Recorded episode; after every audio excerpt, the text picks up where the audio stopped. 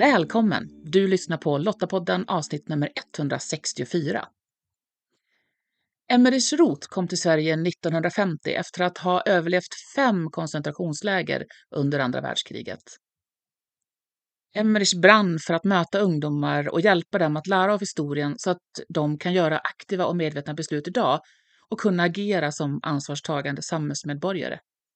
1994 så startade han Emmerichfonden eh, och den driver fortbildning och projekt som stödjer skolungdomars insatser mot våld och främlingsfientlighet. I det här avsnittet så får du möta Charlotta Granat. I högstadiet var hon en av alla ungdomar Emmerich mötte under sina många skolbesök. Idag är hon sekreterare i Emmerichfondens styrelse och driver bland annat projektet Skolornas fredspris. Priset är ett kunskapslyft där både elever och personal på skolan får fördjupa sig i frågor om mänskliga rättigheter, fred, medmänsklighet, civilkurage, intolerans och normer.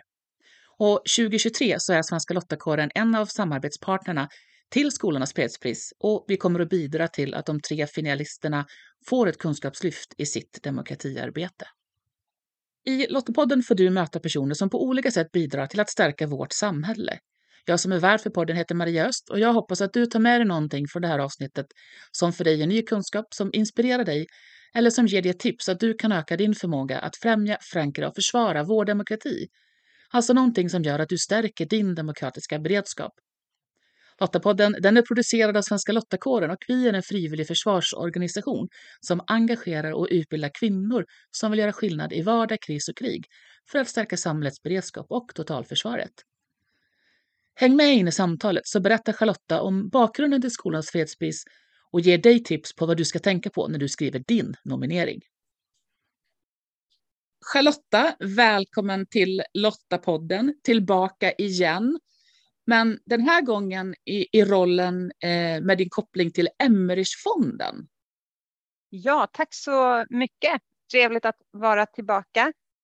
Eh, ja, idag handlar det om eh, arbete förstås. Och eh, Roth överlevde ju då förintelsen och ett arv efter Emrich är faktiskt skolornas fredspris.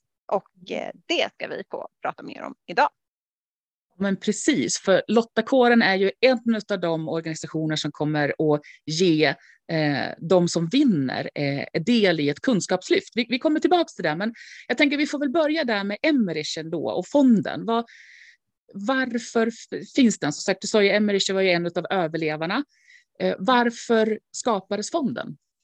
Jo, men Emmerichfonden eh, bildades 1994. Det var ett initiativ då av Emmerich Roth Tyvärr eh, lämnade oss, eh, Emrich oss för ett år sedan, lite drygt, i januari 2022. Men eh, under ja, drygt 30 års tid kan vi säga, så reste eh, Emrich Roth runt på skolor och föreläste om sina, både sina upplevelser men också erfarenheter kopplat då till Förintelsen. Och syftet med fonden är att driva fortbildningar och stödja projekt och eh, stödja skolungdomars insatser mot våld och främlingsfientlighet. Och här handlar det ju om att vara med och bidra till ett eh, mer medmänskligt samhälle eh, och en stärkt demokrati. Och vad är din roll? Jag kom faktiskt med i Emmerichfondens eh, styrelse för ja, men år sedan ungefär, men jag har samarbetat med Emmerichfonden i många år. Eh, nu är min roll att jag är sekreterare i styrelsen, men jag eh, driver flera av de utbildningsinsatser som Emmerichfonden eh, genomför. Och eh, jag träffade Emmerich Roth första gången i mitten på 90-talet, ganska så exakt när fonden startade 94, 1994. Eh, då gick jag själv på högstadiet och eh, träffade Emmerich Roth för första gången vid ett av de här skolbesöken som han mm. under så många år genomförde. Och vi är ju många som har fått lyssna till hans berättelse. Och eh, när jag själv blev lärare sen så tog jag upp kontakten med Emmerich Roth och mina elever fick också då eh, träffa honom och lyssna till honom. Eh, och det som var spännande där, jag tror att det var 2016 har jag för mig vid ett skolbesök, eh, för då kom också vår kronprinsessa Victoria till, ett, till det här skolbesöket som man hade på min skola. Men då var ju också lottorna involverade för att kronprinsessan Victoria är ju beskyddare. Och då inledde jag ett samarbete med Lottakåren också kopplat till demokrati och elevråd och så. Så att vägarna eh, möts ju lite, mm. vi som arbetar aktivt med de här frågorna. Så min roll är främst egentligen att eh, bidra med utbildningsinsatser och eh, jag fick uppdraget när eh, Emrich Roth blev sjuk eh, några månader före eh, hans bortgång så bad han mig att leda hans vidare arbete riktat mot skolor. Eh, och det var ju förstås ett enormt förtroende, eh, en stor ära och eh, något som eh, jag tar väldigt allvarligt för att det, det förpliktigar. Och det var jag och eh, ytterligare en styrelsemedlem då som fick eh, den här frågan, Jesper Magnusson som också då verksamhetschef på Fredens hus. Så att jag och Jesper leder Emrichfondens eh, vidare arbete riktat mot skolor eh, på uppdrag egentligen mm. av då Roth. Och vad var Emrichs vilja? Vad var det han brann för specifikt just? Han eh, brann mycket för att eh, vara aktiv och med i samtalet för ett mer medmänskligt eh, samhälle. Han ville möta ungdomar eh, och han ville stötta och finnas där, att vi lär av historien för att kunna göra aktiva och medvetna beslut idag. Agera mm. som samhällsmedborgare som tar ansvar, där vi lär oss vad civilkurage är, eh, hur vi kan agera i en demokrati eh, och att alla är viktiga. Och skolornas fredspris då, vad är det för någonting? Skolornas fredspris är ett in initiativ från Emrich Roth eh, och eh, det är ett arv där vi stöttar skolor i freds och demokratifrågor. Priset kommer i år att delas ut på Bokmässan i Göteborg. Eh, och eh, priset innehåller då flera utbildningsinsatser under ett helt läsår. Alla elever på en skola eh, utbildas i koppling till demokrati och civilkurage. All personal får utbildning, men också den vinnande skolan får också ett resestipendium för att kunna genomföra en hågkomstresa. Och eh, på den resan så får skolan också med sig då eh, utbildade pedagoger som leder arbetet före, under och efter. Så det är ett enormt eh, viktigt och stort pris eh, som återinstiftades eh, 2022 efter Emrys bortgång och det var en av Emrys sista önskningar att det här priset skulle återinstiftas. Det fanns för några år sedan inom ramen för Emrichfondens arbete men nu eh, så har vi byggt på det och vi gjorde en ny lansering 2022. Det låter ju som en fantastisk möjlighet för en skola att verkligen få djupdyka i och grotta ner sig i demokratiuppdraget som ju ändå skolan har. Ja, men det är det. Och, och eh, vi vill ju också stötta en hel skola i det här arbetet så att det inte hamnar på en enskild eldsjäl som ska ta mm. ansvar för eller genomföra det här arbetet, vilket gör att vi har flera samarbetspartners till priset, bland annat Sveriges lärare. Eh, vi samarbetar med Försvarsmakten och eh, Svenska lottakåren eh, går ju in med utbildningsinsatser för tre finalister och där kommer vi då utbilda via Svenska Lottakåren då kopplat till demokrati, eh, elevråd eh, och få ta del av eh, Lottakårens demokratiutställning som kommer mm. också komma ut till tre skolor någonstans här i Sverige och eh, då kommer både personal och elever få utbildning. Så att för oss har det varit viktigt också att knyta aktörer eh, som vill vara med och stötta i det här arbetet initialt då utifrån i Emrichs anda, men också för att koppla till idag. För det är ett stort och brett demokratiuppdrag som vi har i mm. skolan För det är ju i skolan alla våra ungdomar möts och det är här vi behöver göra de aktiva insatserna i de här mm. frågorna. Eh, så vi är eh, mycket tacksamma över att eh, Svenska Lottakåren vill vara med i, i det här viktiga arbetet. Och vi tycker det är fantastiskt att få vara med, som du säger, i den här gruppen av aktörer som eh, tillsammans jobbar för just de här värderingarna kring mänskliga rättigheter och att stötta vår demokrati. Och som du säger, eh, stötta en hel skola är fantastiskt. Oftast annars brukar det ju vara kanske en klass eller en del utav, men just den här bredden känns ju fantastiskt roligt. Nej men absolut, och det, det var en, eh, något som vi tyckte var väldigt viktigt när vi eh, skapade innehållet till det här priset. Då tänkte vi att för att det här ska bli långsiktigt och hållbart så behöver vi jobba med skolledningen, all personal, alla elever, även om det är en fokusgrupp av elever som sedan gör en påkomstresa, så ska alla ha fått ta del av eh, den här kompetensen och expertisen som kommer ut via skolornas fredspris, via våra samarbetspartners. Här var det viktigt för oss att vi skapar ett långsiktigt och hållbart arbete eh, som, som inte försvinner efter ett läsår eller via en utbildningsinsats. Där tror vi att vi har hittat ett hållbart och framgångsrikt eh, koncept. Mm. Så vem kan söka då? Vi riktar in oss eh, på högstadieskolor och eh, gymnasieskolor och det spelar liksom ingen roll eh, program på gymnasiet eller så, utan eller eh, om det är en anpassad, alltså särskola eller liknande, utan det är högstadier, gymnasieskolor. Det går till så att man går in på fredenshus.se så finns det eh, högst upp att man kan då nominera till skolornas fredspris. Det finns ett antal frågor som ni ska besvara i eh, nominerings processen och det är hur arbetar ni idag med frågor som rör demokrati, fred och med värdegrund? Och man ska ju naturligtvis motivera varför ska ni vinna skolornas fredspris och hur kan ni förankra arbetet på skolan men också skapa spridning? Eh, något som vi tittar mycket efter eh, i de här nomineringarna som kommer in.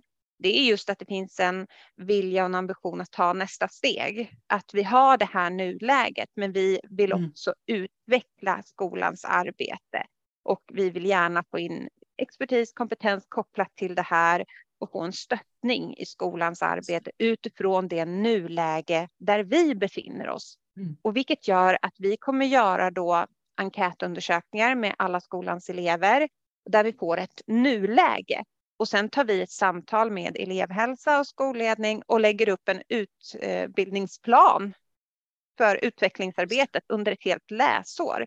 Och sen så kommer eh, vi ut och utbildar all personal i demokratiuppdraget. Vi har workshops med alla elever och här kan ju skolan vara med och påverka datum, innehåll, vad som behöver riktas till olika årskurser. Till exempel årskurs 9 skulle vi behöva ha workshops kopplat till det här temat eller civilkurage eller liknande. Mm. Medan våra sjuor behöver något annat och då skapar mm. vi en workshop kopplat till det i det här samarbetet så har vi då, det är Fredens hus eh, som har eh, pedagoger som är utbildade och experter inom en rad om, områden kopplat till fred och demokrati och mänskliga rättigheter som kommer ut och utbildar i de här frågorna. Och jag kommer också ut då och utbildar i skolans demokratiuppdrag. Men du, eh, nomineringen är ju såklart öppen då. När får man besked om man är en av de här tre? Nomineringen är öppen fram till 9 maj, Europadagen. Och vem som helst kan nominera, vill jag säga också. Beskedet kommer i juni. Det finns ett antal skolor då som vi kommer att kalla på intervju. Och eh, då tar vi och har ett, eh, ett fördjupat samtal både med någon representant från skolledning, någon lärare och någon elevrepresentant. Och mm. sen så kommer eh, beskedet här i juni före semestrar. Och så. Och den skola som vinner kommer att få besked i god tid, för den skolan behöver då finnas representerad på Bokmässan i Göteborg och eh, ska stå på lärarscenen där och eh, få ta emot skolornas fredspris 2023. Och sen börjar planeringsarbetet för stöttning under ett helt läsår. Ja, det är ett eh, fantastiskt pris, skulle jag säga. Det finns inte något likvärdigt på det här sättet. Så vi manar ju verkligen alla att nominera nu då, så att ni i fonden får ett riktigt rikt urval att, eh, att jobba med och, och, också att det blir extra svårt då för er att faktiskt utse eh, de här tre finalisterna. Ja, eller hur? Ja, vi hoppas på många nomineringar och det är ju spännande också att få, eh, få besöka olika skolor runt om i Sverige och utifrån behov, önskemål och så eh, kunna skapa de här eh, planerna för utveckling.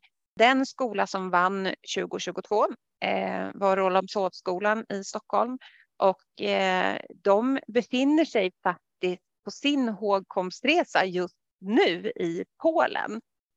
Emrich Roth överlevde ju bland annat Auschwitz. Ehm, mm. Så att eh, det är ju en väldigt stark resa. Emrich var med vid några hågkomstresor eh, för några år sedan med elever. Men eh, nu så har vi alltså då utbildade pedagoger som leder hela det här arbetet. Så mycket, mycket spännande. Emrich brann ju för just det här utbilda och utveckla och se unga växa och lära sig mer och bidra då till ett mer medmänskligt samhälle. Och skolan var ju en viktig plattform för Emrich att nå ut på. Eh, och nu fortsätter det här arbetet. Vi har Emrich med som initiativtagare till skolornas fredspris och vi lär om och av förintelsen. Men vi pratar mycket om vad är det som händer idag och vad kommer eventuellt att ske i framtiden och hur kan vi agera utifrån olika scenarier. Så um, koppla kompetens på det här sättet från olika håll för att bidra till uh, skolornas utvecklingsarbete. Det är både unikt och det är en mycket spännande resa att vara inne på. Tack Charlotta för att du var med och berättade om den här fantastiska möjligheten. Vi hoppas att många skolor nominerar och så ser vi fram emot eh, att få se vinnaren få priset på Bokmässan. Det gör vi verkligen. Och vilket utvecklingsarbete vi har framför oss tillsammans nu för att bidra till en mer stärkt demokrati. Tack så mycket för att jag fick vara med. Kanske du som lyssnar är en av alla ungdomar som träffat Emerys Roth under sin skoltid och hörde honom berätta om sina erfarenheter. Att som Lotta vara del i att föra hans arv vidare och bidra till att ungdomar får möjlighet att stärka sin förmåga att främja, förankra och försvara demokratin, det gör mig väldigt stolt.